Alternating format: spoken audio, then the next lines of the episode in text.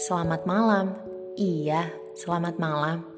Hari ini aku, storyteller, akan menceritakan tentang seseorang. Seseorang bernama Gemma. Selamat mendengarkan. Mataku beredar melihat layar besar. Hati berdegup, tangan basah. Aku berdoa sekeras mungkin dalam hati, meneriakan mimpi dan harapan sekuat tenaga dalam keheningan. Seketika, senyum merekah cerah di sekelilingku. Wajahku bersinar senang. Mungkin sekarang angka 31 akan menjadi angka keberuntunganku. Ini sekolah bagus kak, selamat ya. Mama tersenyum lebar. Aku menarik kursi dan melihat nama-nama yang nantinya akan menjadi kenalan, teman, sahabat, atau mungkin sekolah yang benar ya kak? Perkataan papa menghapus bayangan tadi dari imajinasiku. Aku tersenyum membalasnya. Saat itulah aku melihat namanya. Gema, peringkat 13. Berkebalikan dariku. Tanpa alasan, aku kembali tersenyum.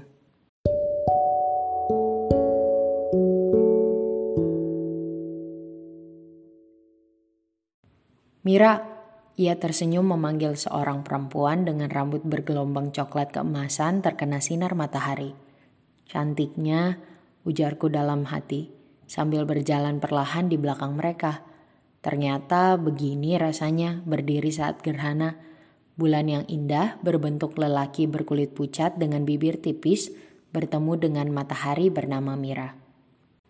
Banyak yang mengatakan aku pengamat ulung, Perasaan di sekitarku tidak akan ada yang luput dari pandanganku.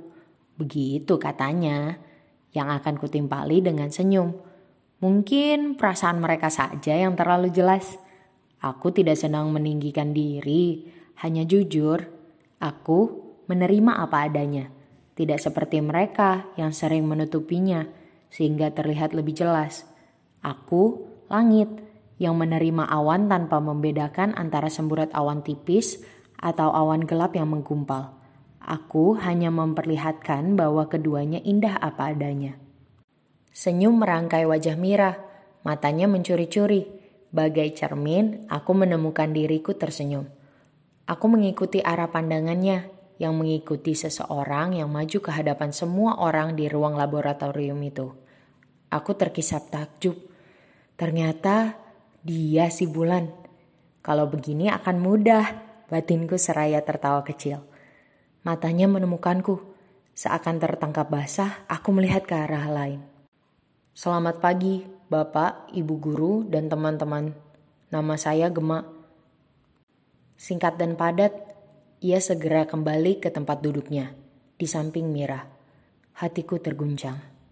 Dia Gema, lelaki nomor 13 bocah bulan.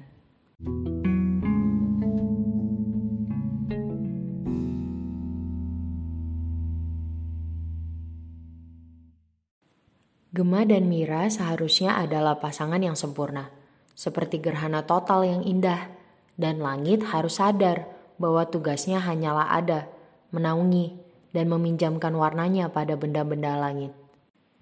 Gema bertumbuh tinggi, melebihi tinggiku Aku jadi tidak bisa lagi tertawa saat melihatnya mendongak saat berbicara. Tentu aku bersyukur melihatnya semakin baik. Setidaknya begitu yang kukira. Hingga ku tangkap tatapan matanya yang tetap sama. Malah mungkin terlihat lebih kosong. Mel, kayaknya Gema akhir-akhir ini jadi lebih diem ya, keluh Mira. Kenapa nggak tanya aja Mir? Kamu kan tahu, aku lebih gak deket lagi sama dia daripada kamu. Ujarku malas. Walaupun sebenarnya memang itu kenyataannya. Tapi aku tuh lagi perang dingin sama dia. Dia emang bakat banget ya bikin anak orang baper. Mira mendengus kesal. Lagi-lagi mereka berada pada area abu-abu.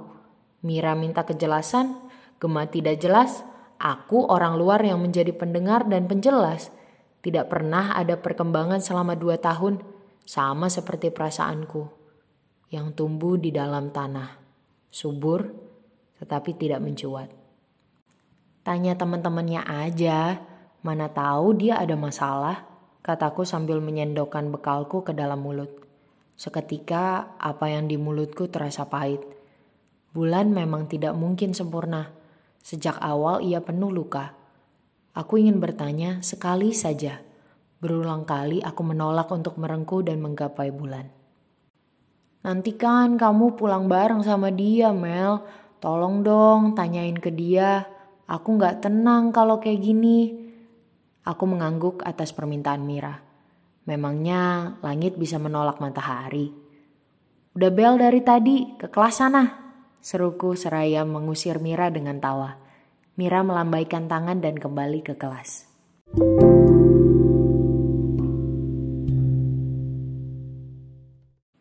Aku heran bagaimana manusia bernama Gema ini bisa membuatku seperti ini. Tersenyum sendiri menunggu waktu pulang. Memang pulang adalah hal terbaik dalam kehidupan sekolah. Tetapi kamu pasti mengerti. Langit memang tidak berbohong Sore menyemangati jantungku yang tidak berhenti berdentum dan tanganku yang basah karena gugup. Setiap pulang sekolah selalu begini. Ia menarik tanganku, menyuruhku mengikuti. Aku pasrah, dan sejujurnya aku senang. Angkutan umum yang kami naiki sama. Tentunya dia tidak pernah mengantarku pulang. Tubuhku akan menjadi sate kalau aku berani-berani melakukan itu. Ayo beli minum dulu ke Maisan, setelah setengah jalan baru dia menjelaskan. Entah sudah berapa kali Mira bilang iri karena aku bisa pulang dengan makhluk ini. Ia menyedot es coklatnya dengan senyum. Aku sesekali tersenyum melihat sinarnya. Gemma selalu terlihat seperti anak-anak. Ia marah dan senang karena hal-hal sekecil ini. Tetapi kadang berusaha seperti orang dewasa, menutupi perasaan dan kesedihannya. Dirinya yang seperti itu terbuka mentah di hadapanku Entah karena rasa sayangku sehingga aku seakan tahu segalanya, atau karena ia nyaman denganku. Kemungkinan yang kedua sangat kecil, aku tahu itu. Tetapi seperti anak kecil yang tidak bisa berhenti terisak meski dibungkam, ia semurni itu di hadapanku. Mel! Teriakannya seketika membuyarkan lamunanku. Apa ge? Tanyaku sama terkejutnya. Serangga! Serunya sambil menunjuk. Ia sesekali menghindar ketakutan menggunakan diriku sebagai tameng. Masuk dulu yuk, Mel. Ah! Katanya masih menghindari serangga-serangga yang terbang itu. Nanti angkotnya datang gimana? Tanya aku sambil tertawa melihat tingkahnya. Benar kan kataku? Ia benar-benar seperti anak kecil. Please, pintanya dengan mata bulat hitamnya. Aku mengangguk, sehingga dia menariku cepat-cepat ke dalam sekolah. Hari itu, aku melupakan permintaan Mira dan malah sibuk dengan perasaanku sendiri.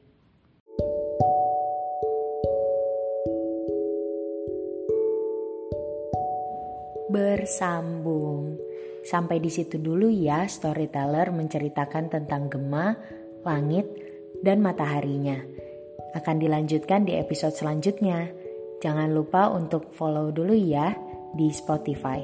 Terima kasih.